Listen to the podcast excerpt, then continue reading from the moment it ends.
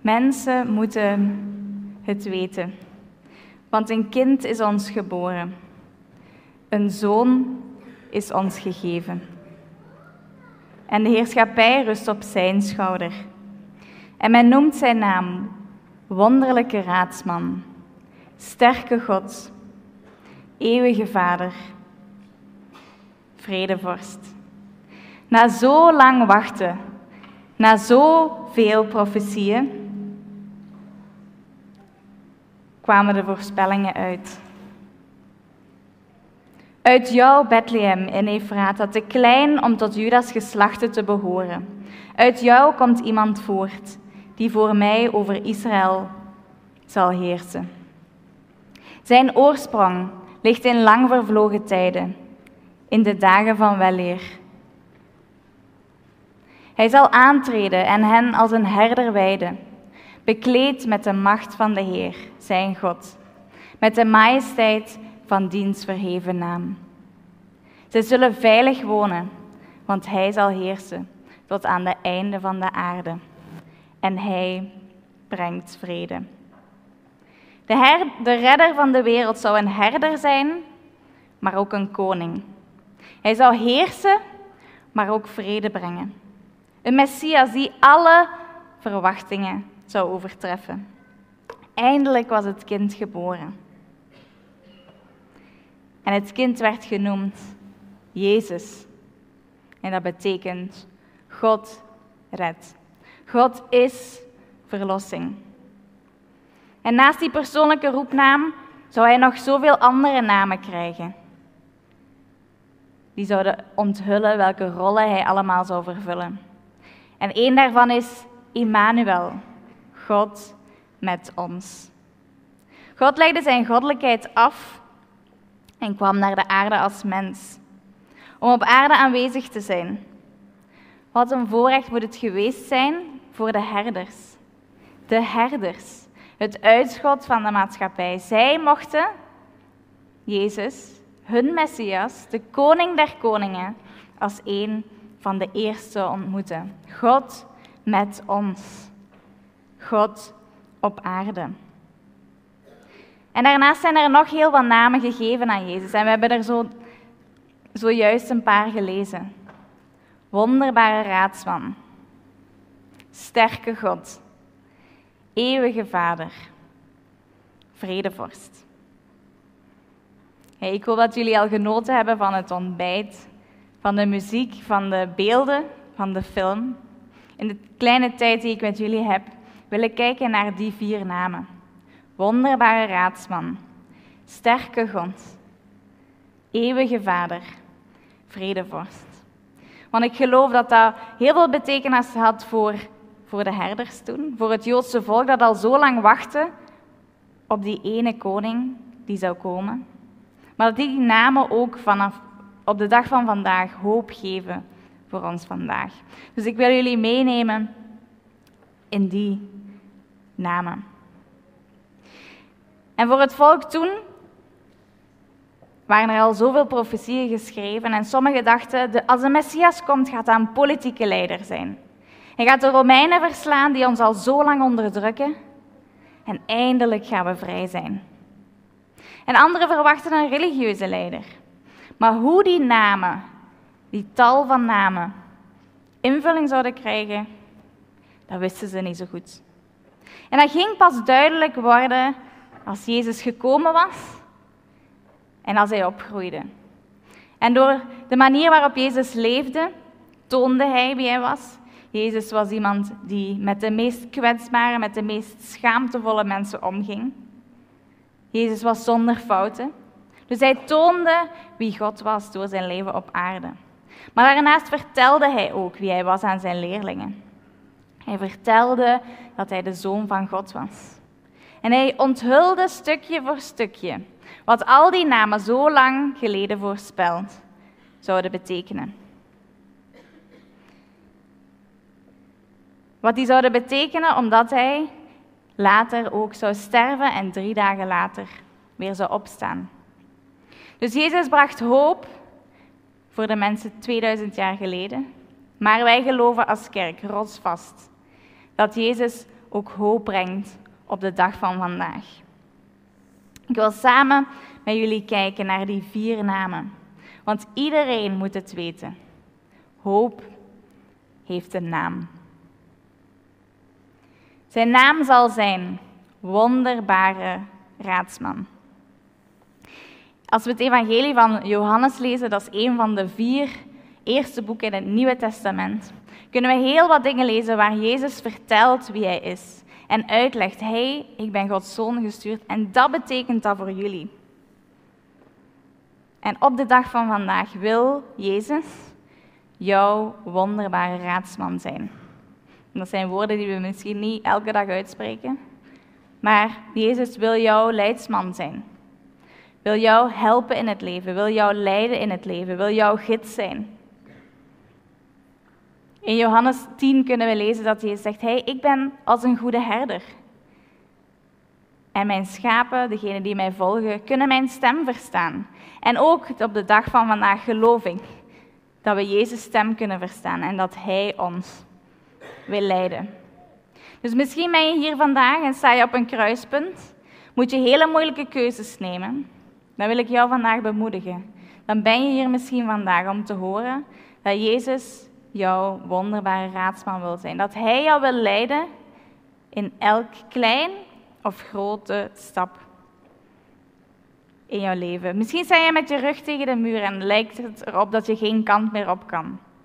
Dan mag je weten dat er hoop is in jouw situaties, want hoop heeft een naam. Die naam is Jezus en Hij is de wonderbare raadsman. Zijn naam zal ook zijn sterke God. In sommige vertalingen staat er goddelijke held. Jezus was Gods zoon die naar de aarde is gestuurd. Hij, God legde een stukje van zijn goddelijkheid af, kwam als mens naar de aarde om de kloof die er was tussen God en de mens te dichten. Zijn sterven aan het kruis zou als een offer zijn. Zijn sterven aan het kruis zou maken dat alle fouten gemaakt door de mensheid vergeven zouden zijn. Door geloof in zijn sterven aan het kruis voor onze fouten mogen we weten dat we gered zijn. Jezus heeft redding gebracht. Toen Johannes de Doper, die, in de, die ongeveer op dezelfde, uh, een paar maanden verschil geboren is van Jezus, toen hij aan het preken was aan de andere kant van de Jordaan waar Jezus was. En toen hij Jezus af zag komen, zei hij het volgende: Zie het lam Gods dat de zonde van de wereld wegneemt. Jezus is een sterke God die de kloof gedicht heeft. Terug, even terug naar Johannes 10. Ik had het net over dat hij zei, ik ben de goede herder. En hij zei, hey, ik ben degene die zijn leven geeft voor mijn schapen. En dat is exact wat Jezus gedaan heeft. Jezus heeft ons vergeven. Door Jezus' komst is er redding. En misschien ben je hier en misschien is die naam iets wat nieuw voor jou is. Precies van Jezus was dat kindje in de stal dat vaak gestolen wordt in de kerststalletjes. Wie weet, ken je Jezus al van in de kinderbijbels, maar staat je geloof op een laag pitje dan mag je weten dat Jezus een sterke God is. Dat Jezus God is om ons redding te brengen. Daar hoop is voor vandaag. Dat Jezus als baby naar de aarde gekomen is om God te laten zien. En om ervoor te zorgen dat we zonder problemen bij God kunnen komen. Vroeger moesten ze offers brengen voor vergeving van zonde, de Joden. Maar door Jezus komt mogen we gewoon komen en zeggen: Wauw, ik mag een kind van u zijn. Hoop heeft een naam en die naam is Jezus. En Jezus is onze sterke God. Zijn naam zal zijn eeuwige vader. En voor sommigen klinkt dat goed, een vader, en voor sommigen heeft dat niet zo'n fijne betekenis. Je mag weten dat Jezus als een eeuwige goede vader is. Jezus geeft onderwijs aan zijn discipelen en zegt: Hey, stel je nu eens voor, als een kind aan zijn vader vraagt: Hey, heb je een brood voor mij? Heb je vis? Dan gaat hij toch nooit een steen of een slang in de plaats geven? Als een goede aardse vader dat al niet zou doen, des te meer zal onze hemelse vader geven waarom we vragen en wat we nodig hebben. Jezus zegt: Hey, ik ben gekomen om het leven in volheid te brengen. Ik wil degene zijn waar je alles aan kunt vragen. Ik ben degene die toegankelijk is. Kom maar naar mij met je zorgen, met je vragen. En ik wil luisteren. Ik wil er voor je zijn. Ik wil voor je zorgen.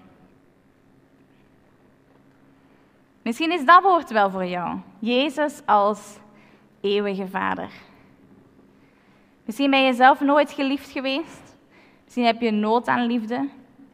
Misschien zijn er heel wat dingen die je zou kunnen vragen. Heb je heel wat noden, dan mag je weten dat we bij Jezus mogen komen.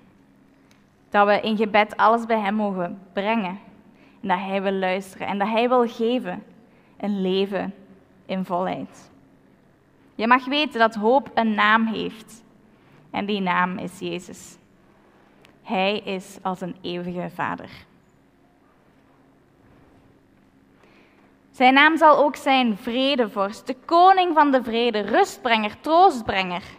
En in een wereld waar niet alles roze geur en maneschijn is, is dat zo'n grote, mooie belofte.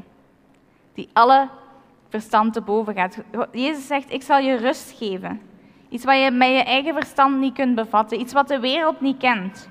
Rust. Vrede. We leven in een tijd waar iedereen rust. Waar iedereen een mening moet hebben. Waar er verwacht wordt dat je alles voor elkaar hebt. En de Joden hadden verwacht dat Jezus politieke vrede zou brengen. Er zou vrede komen tussen de landen op politiek niveau. Maar ze hadden niet verwacht dat er vrede zou komen die daar zou overstijgen. Vrede die in ons hart is. Vrede die, ondanks dat het leven niet zonder horten of stoten verloopt, Jezus heeft gezegd, hey, mijn naam zal zijn Emmanuel. God met ons. Ik wil bij jou zijn.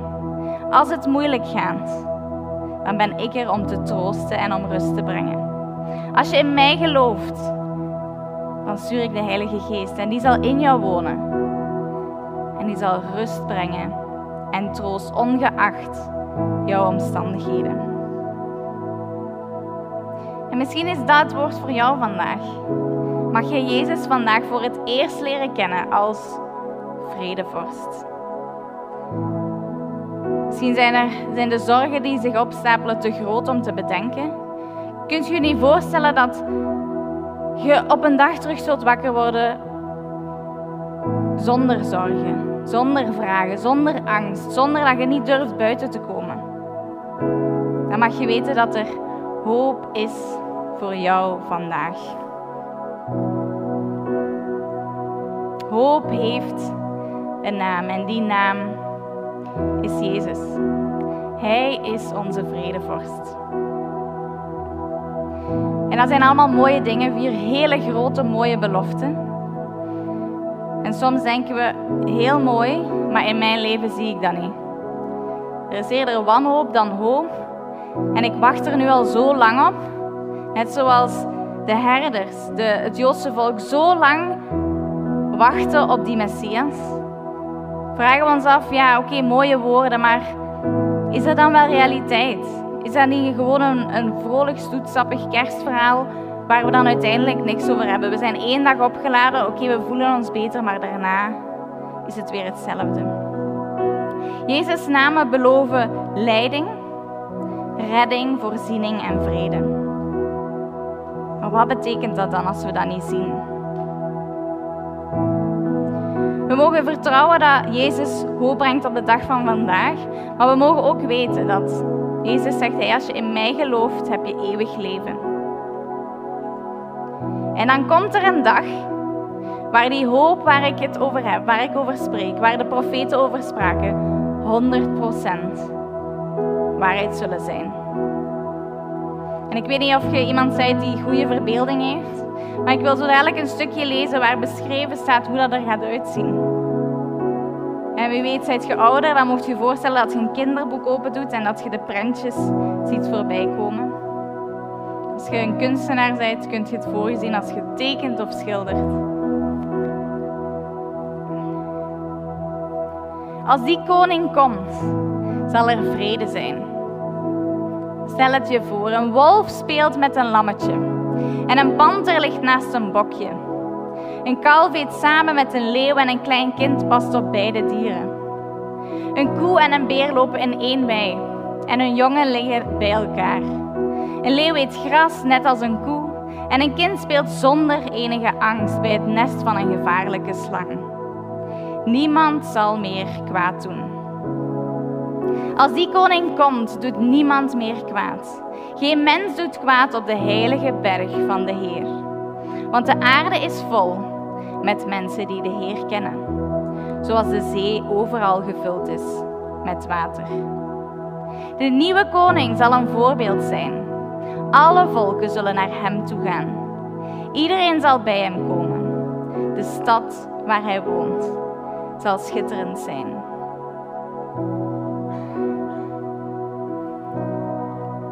Komt een dag waar dat 100% werkelijkheid is.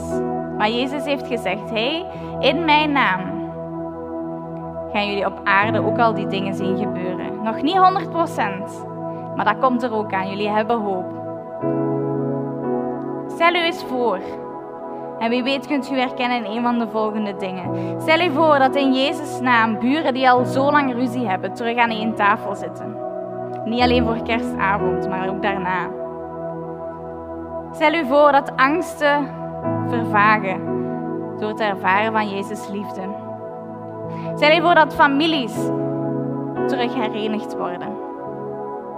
Dat een koppel dat op scheiden staat voor vergeving kiest en het een nieuwe kans geeft en terug openbloeit. Stel u voor dat verslavingen doorbroken worden.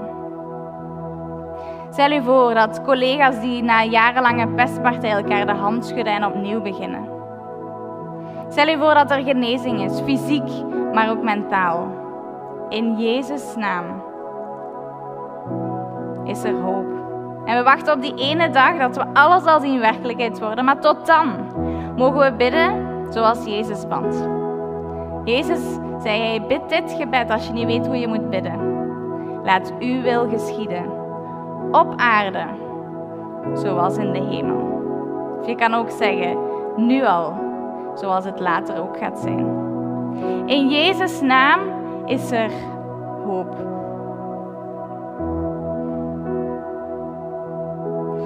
Iedereen moet het weten.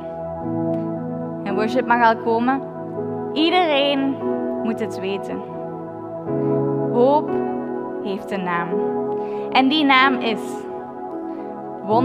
wonderbare raadsman. Hij wil je leiden. Sterke God. Jezus is onze redding. Eeuwige Vader. Hij wil voor je zorgen. Hij wil naar je luisteren. Vredevorst. Hij wil jou vrede geven. Ik ga nog bidden en dan gaan we samen zingen. Dan mogen jullie allemaal gaan staan. En dan mogen we Jezus' naam uitbidden. En je mag denken aan die namen. Die namen van Jezus die hoop geven. Iedereen moet het weten. Hoop heeft een naam. Vader in de hemel, dank je wel dat we vandaag mogen herdenken dat Jezus geboren werd.